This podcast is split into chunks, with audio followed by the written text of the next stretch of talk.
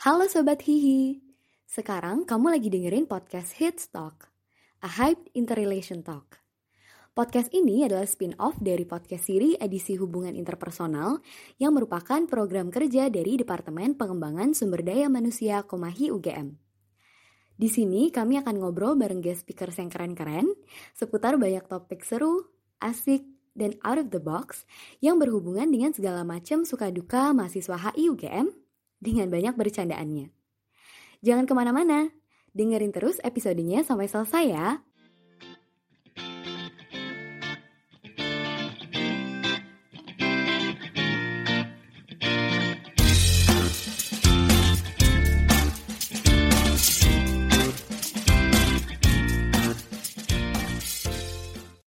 Halo Sobat Hihi, ketemu lagi sama aku Aldit dari DPSDM yang bakal nemenin kalian di podcast episode kali ini. Nah, tapi ada yang beda nih, karena biasanya aku dan teman-teman DPSDM yang lain itu nge-host podcast hubungan interpersonal aja. Kali ini aku bakal nge-host podcast Hype Interrelation Talks. Nah, kayak tadi yang udah dijelasin sama Fanya di awal, Hits Talk, Hype Interrelation Talk yang biasa dipanggil Hits Talk ini sebenarnya ngobrol-ngobrol santai tentang kehidupan anak HI UGM. Jadi sekali lagi aku ucapin selamat datang di podcast Hits Talk. Jadi di podcast episode kali ini kita bakalan ngebahas tentang in dealing with struggles, coping, hoping, doping, and shopping. Nah secara garis besar maksud dari tema itu adalah membicarakan tentang struggle yang dirasain sama anak-anak HI selama masa perkuliahan. Karena sebenarnya kuliah di HI itu kan nggak sekedar having fun, nggak sekedar senang-senang aja tetapi juga ada struggle-struggle dan kesusahan yang harus dihadapi. Kayak gitu. Di episode kali ini aku nggak bakal sendirian. Aku bakal ditemenin sama dua temen aku yang menurutku seru banget kalau diajak ngobrolin masalah perkuliahan. Ada Revina dan ada Sekar juga. Boleh disapa sobat Hihi. Halo Revina. Halo Sekar. Halo Aldit. Halo sobat Hihinya Aldit. Aku Revina dari HI20 eh 19 Sorry. Oke, okay, Sekar, halo. Halo Mas Anit. Uh, halo Sobat Hihi, aku Sekar di DPI 20. Oke, oke. Apa kabar nih uh, Sekar sama Revina? Nggak kerasa ya, kita semester genap udah sebulan nih. Gimana nih? Oh, udah sebulan ya? Aku aku nggak sadar. Uh, aku biasa aja uh, di rumah. Tapi lagi sakit pilek. Gimana kalau Sekar? Oh iya, Sekar gimana tuh? Revina GWS ya? Sekar gimana? Uh, Sekar uh, sebaik-baiknya kondisinya Sekar sih dan udah setengah waras aja karena udah ada beberapa tugas yang pemain juga agak bikin nangis dan stres kayak gitu. Oke okay, oke. Okay. Belum mulai loh, ini udah mulai Wah, ada cerita tentang struggle-nya ya. Sekar semangat banget nih kayaknya. Oke okay, oke. Okay. Buat Revina get well soon juga ya Revina. Makasih Aldi. Oke nih, mungkin kita langsung mulai aja ya ke pertanyaan-pertanyaan yang aku punya nih buat kalian berdua. Kan tadi udah aku jelasin, kita kan bakal ngomongin tentang struggle dan kesusahan yang dirasain sama anak-anak HI. Nah, aku pengen tahu nih, kalau dari yang kalian rasain nih selama Sekar setahun dan Revina dua tahun di HI, apa aja sih struggle yang dirasain sama kalian? Uh, dari aku tuh mungkin karena ini masih online ya, jadi kayak dari awal kan belum teman-teman dari hmm. dari awal juga kayak uh, masih transisi antara SMA sama kuliah tuh kayak kerasa banget gitu loh. Yang pertama adalah yang jelas harapannya itu terputuskan ya. Kita kan kayak dari SMA tuh udah ngimpiin kuliah tuh kayak wah nggak pakai seragam lagi bebas dan sebagainya bisa yeah. uh, bisa di kelas tuh bareng-bareng sama banyak orang dengan interest yang kita suka. Tapi kan kayak intinya ya sama aja cuman bangun tidur dari kasur terus kayak kadang-kadang nggak mandi juga dan langsung ngadep layar gitu kan Uh, so yang pertama adalah struggle-nya adalah menghadapi kenyataan yang tidak jadi nyata kayak gitu. Harapannya tidak jadi nyata itu yang pertama. Yeah. Lalu yang kedua mungkin karena emang materinya ngagetin ya benar-benar yang kayak wow bacaannya banyak kali menyesuaikan lagi cara belajar yang kayak Hah, apa nih kayak gitu terus kayak punya hal yang harus dipelajari lagi harus dibaca-baca harus di apa ya restart ulang kayak gitu. Terus juga mm-hmm. ada materi-materi apa ya ada matkul-matkul yang sampai bikin nangis gitu yang tiap habis tutorial mm-hmm. tuh kayak pertanyaannya tuh satu kelas langsung kayak pasti ini ya Allah mau nangis mau nangis. Dan literally aku pernah nangis gitu. Lalu juga ada dosen itu yang nilainya susah banget terus temenku kemarin nanyain sampai nanyain satu-satu katanya. Dan katanya nggak ada yang dapat A Ya ampun. Wow. terus Gila, gila. Banyak ya struggle-nya Sekar. Iya, Oh. ada satu. Iya. Lanjut apa gimana nih Sekar? Ada satu lagi nih yang paling ngeselin itu adalah buku. Jadi buku ini udah tebel banget, udah kita nggak ada mata kuliahnya karena dosennya sering banget asinkron dan bukunya ini udah tipis apa kecil-kecil gitu kan hurufnya terus lainnya tuh nggak justified jadi kayak udah bener dibaca tuh kurang ajar banget lah nggak bisa dibaca itu buku gitu sih Aduh, iya iya iya, paham paham paham Sekar. Ini ini memang banyak ya struggle-nya Sekar nih. Mungkin habis ini Revina boleh kasih pengalamannya nih selama 2 tahun. Kalau Sekar kan tadi lebih ke ini ya. Mungkin kaget nih transisi dari SMA ke kuliah nih. Tiba-tiba tugasnya banyak. Tiba-tiba buku yang dibaca nggak cuma LKS, buku tebel, nggak align lagi, nggak justified. Mungkin nih Revina yang udah 2 tahun nih di HI nih, boleh nih kasih pengalamannya nih. Iya sama sih dulu juga aku dan mungkin teman-teman 19 yang lain juga ngerasain yang kayak Sekar ya. Tapi sama-sama jadinya kerasa asik gitu. Kita kafe ke kaktus, ke, ke lantai bumi, lantai yang kayak gitu. Simply ke Dilip dan ke San Siro untuk ngerjain bareng. Jadinya nggak ngerasa se-struggle itu. Tapi tetap struggle sih dulu. Iya. iya. Tapi kalau sekarang udah nggak terlalu jadi beban sih karena udah terbiasa juga ya mungkin baca buku yang agak kompleks kompleks kecuali kelas kelas yang sekarang aku kesel, kesel sekali. Sampai sekarang aku nggak ngerti bacaannya apa. Nggak apa-apa. Dan sekarang lagi sering kuis gitu kan kalau yang 19 GPS mungkin dan PCS dan Happy mungkin banyak juga yang lain yang sering kuis. Dan sekarang struggle-nya ya di kuis-kuis tersebut. Dan ya gitu. Terus apa ya tapi kayak kan sendirian. Jadinya struggle-nya juga nggak dipikul bareng-bareng sama temen. Kayak pas semester 1 semester 2 awal jadinya lebih kayak a thousand times harder uh, kuis-kuis dan materi-materinya. Tapi udah nggak terlalu keberatan sih kalau misalnya bacaannya berat atau dan untungnya bukunya semuanya just fine jadi nggak kayak kata gitu Oke oke Rev, Eh, gimana? Mau, mau lanjut cerita apa? Udah nih Revina nih?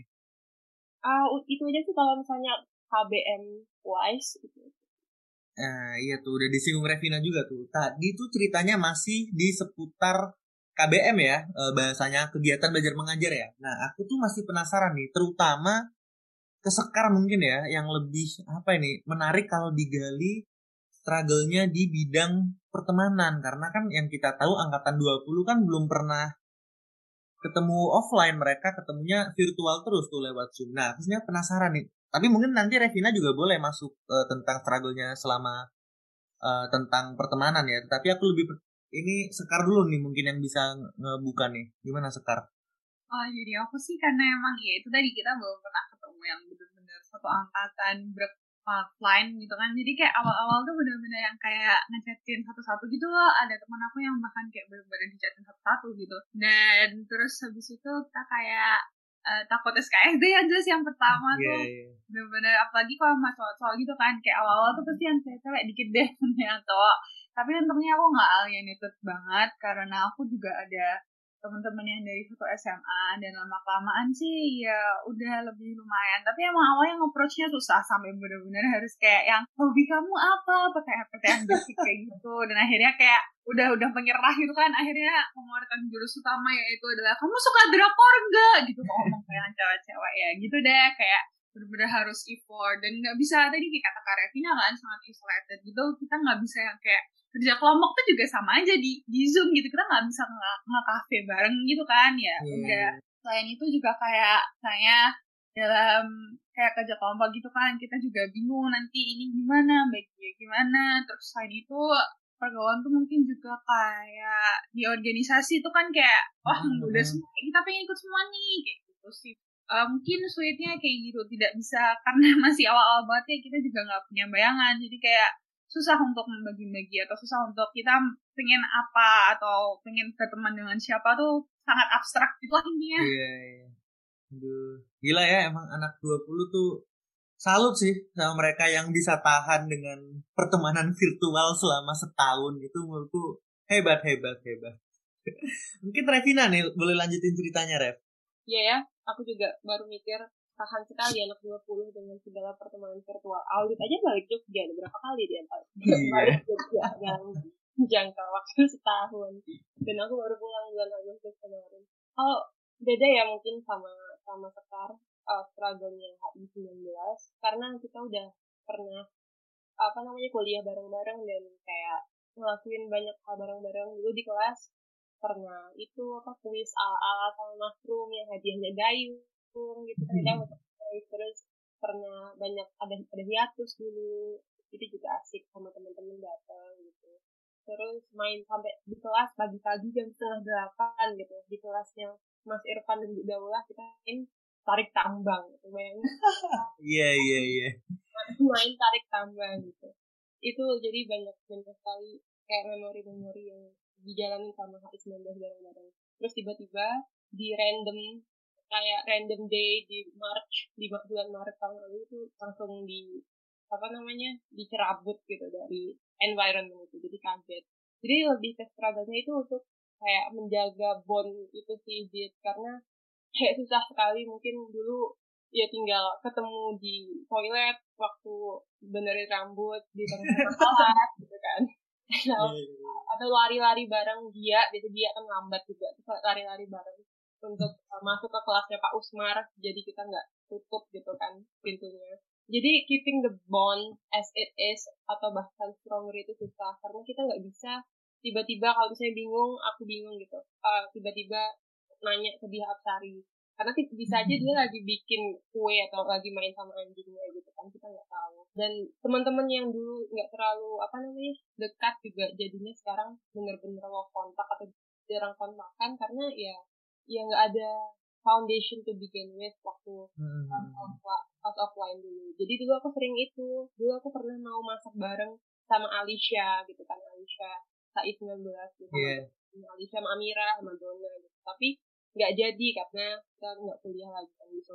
Sedih banget. Iya, jadi tapi tapi sampai sekarang tuh aku juga jarang kontakan sama Alicia. Jadi kayak that was an almost friendship that I've never had gitu. Jadi kalau masalah pertemanan cara bagaimana mempertahankan koneksi yang dulu pernah dibangun dalam artian tulus ya bukan koneksi organisasi wise. Tapi aku senang banget kayak aku kenal sama Sekar dulu waktu awal-awal kuliah jadi itu juga sebuah achievement kecil bisa temenan sama anak KI20 lewat our shared interest di the crowd. It, that was fun. Mantap ya. Sedih juga ya kalau dipikir-pikir tuh tadi ada Alicia, Dona dan Amirah tuh. The almost friendship that never happened tuh. Kalau kalian dengerin, kalau kalian salah satu sobat gigi tuh, Revina sudah menyatakan perasaannya, tolong resiprokal ya. Semoga perasaan ini resiprokal. Oke deh. Amin, nah, kita ke pertanyaan selanjutnya nih. Aku tuh lebih pengen tahu sebenarnya menurut kalian tuh normal nggak sih untuk merasa kesusahan karena urusan perkuliahan? Karena kadang tuh ada opini-opini kalau udahlah kalian tuh bersyukur aja kalian dapat kuliah masuk UGM HI lagi. Ngapain sih kalian masih apa kesusahan struggle? Udahlah happy aja lah hidup kalian. Nah aku tuh penasaran sebenarnya normal nggak sih merasa kesusahan karena perkuliahan? Sekar dan Revina kalau itu ya normal banget lah I mean everyone di masa-masa kayak gini pasti merasa bahwa apa pun yang awalnya menurutnya itu tidak akan susah jadi lebih susah gitu kan.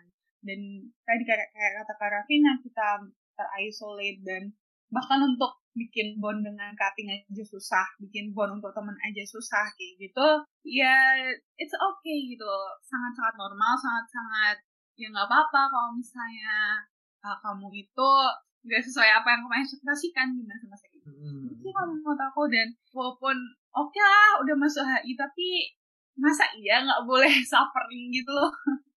Iya, yeah, yeah. Oke, Revina mungkin mau nambahin boleh? Hmm, boleh boleh. Iya, ya. Menurutku sambat dan suffering itu manusiawi ya. Bukan berarti masuk ke HI UDM dan tingkat kuliah yang bagus. Itu kita nggak jadi manusia, kita langsung jadi God and Brothers gitu. Kita bukan versi Jackson. Versi Jackson ya nyambat ya.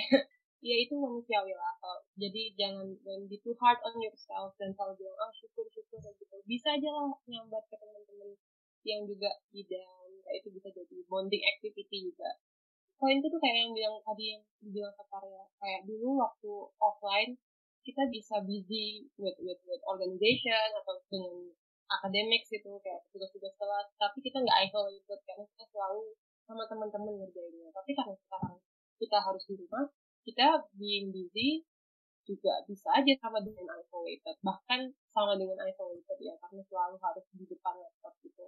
Itu sih jadi kayak dulu orang-orang ceritanya ke Laras Laras selalu bilang pick a struggle gitu.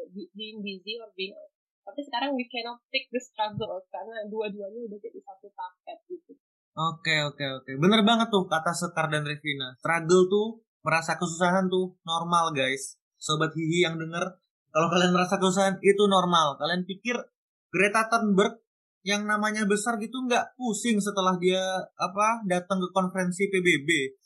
Dia juga marah-marah nih orang tua bodoh semua gitu. Semua orang tuh pasti merasakan kesusahan masing-masing. Sobat Hihi, please kalian nggak apa-apa merasa kesusahan ya. Boleh banget tenang. Abis ini nih aku mau geser fokus diskusi kita, obrolan kita ini ke tentang gimana sih cara kalian ngehadepin kesusahan itu. Oke, kita tadi udah cerita kesusahannya, sekarang kita cerita tentang gimana cara ngehadepinnya. Nah, kalau dari topik podcast kali ini kan in dealing with struggles, coping, coping, doping, and shopping kan. Nah, kalau itu dari interpretasi aku ya, coping itu adalah usaha-usaha yang dilakukan secara personal gitu ya untuk uh, melewati suatu permasalahan. Misalnya kalau aku lagi kesusahan, aku bakal cerita sama temen deketku. Terus aku kalau lagi kesusahan, aku bakal liburan ke Bali kayak gitu. Nah, sementara itu kalau hoping mungkin lebih ke ya udah berharap segalanya cepet selesai. Semua permasalahan, semua kesusahan cepat selesai. Kalau doping itu diinterpretasi aku lebih ke gaming, sosial media, sesuatu yang bisa membuat nagih gitu lah istilahnya ya. Yang terakhir adalah shopping. Shopping itu konsumerisme lah istilahnya. Misal kita kalau lagi struggle kita misal setelah melewati struggle atau ingin melewati struggle-nya kita bakal self reward ke diri kita sendiri. Kita bakal beli makanan enak, kita bakal beli barang yang kita pingin sejak lama kayak gitu tuh. Nah, menurut kalian sendiri gimana sih cara kalian ngehadepin struggle yang kalian dapetin tuh? Oh, mungkin kali ini boleh Revina dulu ya gantian ya. Oke, okay, um, kalau aku sih kalau coping simple sih gitu coping main sama ade atau sama apa namanya sepupu-sepupu yang sering ke rumah kayak nonton film Ghibli, nonton film Awal, nonton Princess Mononoke, nonton Arieti gitu.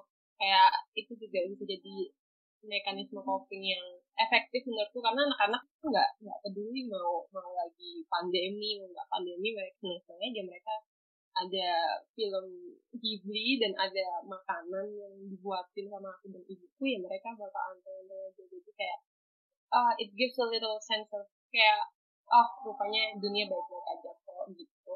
Kalau misalnya hoping biasanya teman-teman di organisasi atau di kelas ya yang bikin aku percaya kalau ada something to look forward to. Oh ada kerjaan di di kelas ada kerjaan di organisasi. Kayak kalau di organisasi mungkin kayak spending time untuk oprek kemarin waktu FCI sama kamu di sama kak Kalin sama hmm.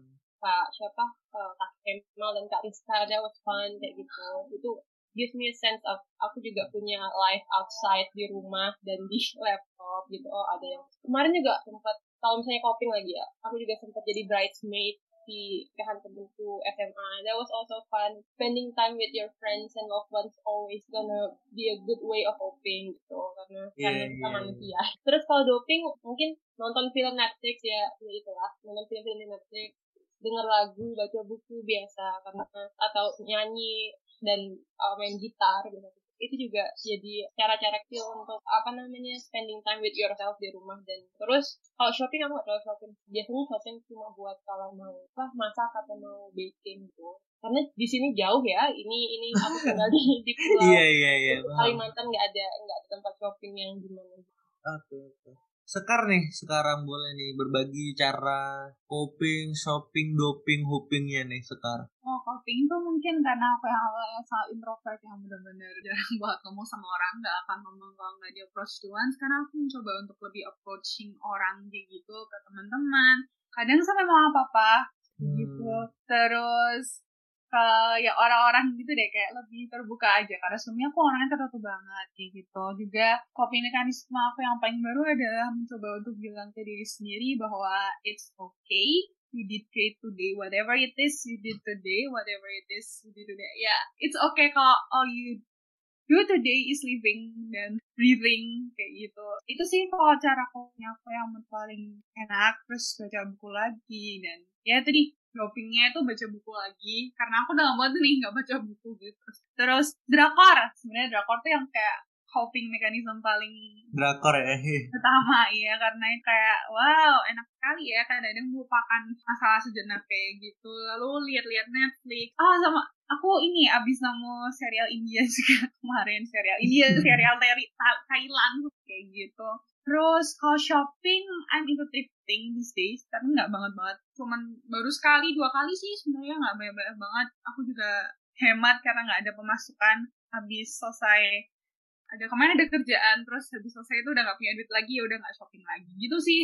Nah tuh uh, apa cara-cara dealing with struggles dari Sekar dan Revina tuh sobat Gigi siapa tahu mau meniru tuh boleh banget tuh. Nah tapi itu kan tadi aku emang ngarahin ke apa ya yaitu tadi coping hopping shopping doping cara menghadapinya. Nah kalau menurut kalian nih ada nggak sih cara lain selain empat cara tersebut untuk menghadapi struggle itu?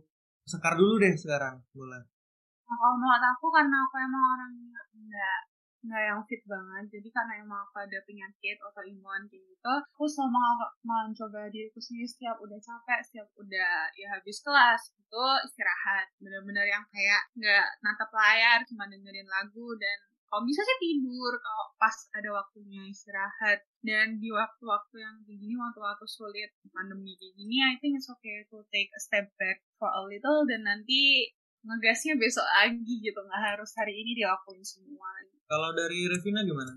Iya sama lah kayak sekarang kayak uh, waktu awal-awal pandemi sampai sekarang sih kayak masih ada tren gitu di TikTok atau di Instagram, think di Twitter juga cottage core gitu ya. Mungkin ada teman-teman yang sering nonton TikTok dan main Twitter yang tahu tentang this whole trend of cottage core. Dan itu menurutku apa namanya capture the essence of pandemic dan di rumah gitu. Living in isolation. Karena kita dipaksa untuk merefleksikan dengan diri sendiri kita dipaksa untuk berdamai dengan diri sendiri. Waduh udah kayak apa namanya berdamai dengan diri sendiri. Kayak spending time with yourself dan with the loved ones yang di rumah dan dan keluarga yang di sekitar di kota atau di sekitar rumah kayak gitu. Gitu juga bisa jadi cara untuk melihat ini dari sisi yang lain gitu. Misalnya nggak kayak gini mungkin kita nggak pulang mungkin kita nggak baking mungkin kita nggak itu main gitar lebih banyak atau baca buku lebih banyak kayak gitu sih. Jadi kayak istirahat dan knowing kalau misalnya kita di antara orang-orang yang uh, sayang sama kita dan punya banyak hal yang masih bisa dikerjakan itu juga bisa jadi cara untuk uh, menghadapi ini semua padahal haha gitu Oke, okay, thank you Revina. Nah tuh, bener banget kata Sekar dan Revina.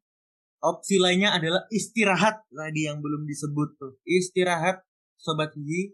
Hashtag mental health matters ya. Jangan lupa kesehatan mental kalian tuh yang nomor satu. Jangan dipaksa. Kalau kalian kecapean, persetan dengan kuliah, persetan dengan proker, persetan dengan organisasi, istirahat. Mental health tuh nomor satu. Ingat ya, jaga kesehatan mental kalian lah teman-teman jangan sampai kita sibuk kuliah sibuk organisasi sibuk kepanitiaan lupa sama diri kita sendiri tuh bener banget opsi dari Revina dan Sekar tadi tuh menurutku bisa ditiru ya sama Sobat Gigi istirahat dan kita recharge kita restart ulang mood kita mau terus kemudian besok lusa atau minggu depan atau bahkan bulan depan baru kita gas lagi tapi istirahat jangan lupa Nah, mungkin karena ini udah penghujung podcast juga ya, aku mau minta closing statement aja deh dari Revina sama Sekar. Closing statement dari aku, iya gitu sih kayak to wrap everything up. Emang kuliah di HI itu struggle-nya ada aja di setiap apa namanya stage of uh, perkuliahan mau maba kayak Sekar atau mahasiswa tahun kedua kayak aku Aldit gitu kan uh, itu selalu ada tapi itu tidak mengurangi keseruan gitu aku masih ingat benar kayak betapa teman-teman yang uh, teman-teman dan dosen-dosen yang waktu dulu dan sampai sekarang itu tulus belajar HI-nya. Kita semua nggak berada di sini kalau kita nggak suka walaupun sedikit uh, sesuatu yang kita pelajari sekarang. Dan asik orang juga asik-asik dan fleksibel dan jadi along with the struggles ada juga fun moments yang nggak bisa tergantikan. Jadi itu jadi yang membuatku uh, kayak suit gitu. Itu yang berada di tempat yang tepat. Tapi dengan offline dan online karena sekarang online gitu ya banyak yang dicerabut dari kita kesempatan kesempatan dan uh, apa namanya harusnya ketemu gitu kan. Tapi ya mau diapain lagi. Think the best that we can. Dan copingnya itu bisa dengan hal-hal kecil bikin kue atau kayak adik gitu. Atau reach out to new people gitu. Kayak aku sama Sekar itu deket. Gara-gara ngomongin serial The Crown itu bisa aja out temen-temen yang belum pernah kamu reach out sebelum uh, mungkin ngomongin sesuatu yang kalian sama-sama suka jadi Sekar okay. gitu. thank you Revina Sekar boleh banget nih closing statement nah kalau dari aku benar-benar yang kata Kak Revina bilang bahwa di masa-masa ini yang kita isolated satu sama lain kita nggak bisa kerja kelompok yang benar-benar ketemu atau hangout yang benar-benar ketemu it's sangat-sangat baik kalau misalnya teman-teman atau bahkan aku sendiri akan membiasakan diri untuk uh, nge-reach out ke teman-teman yang udah lama nggak kita hubungin dan mengatakan ya menanyakan aja are you okay?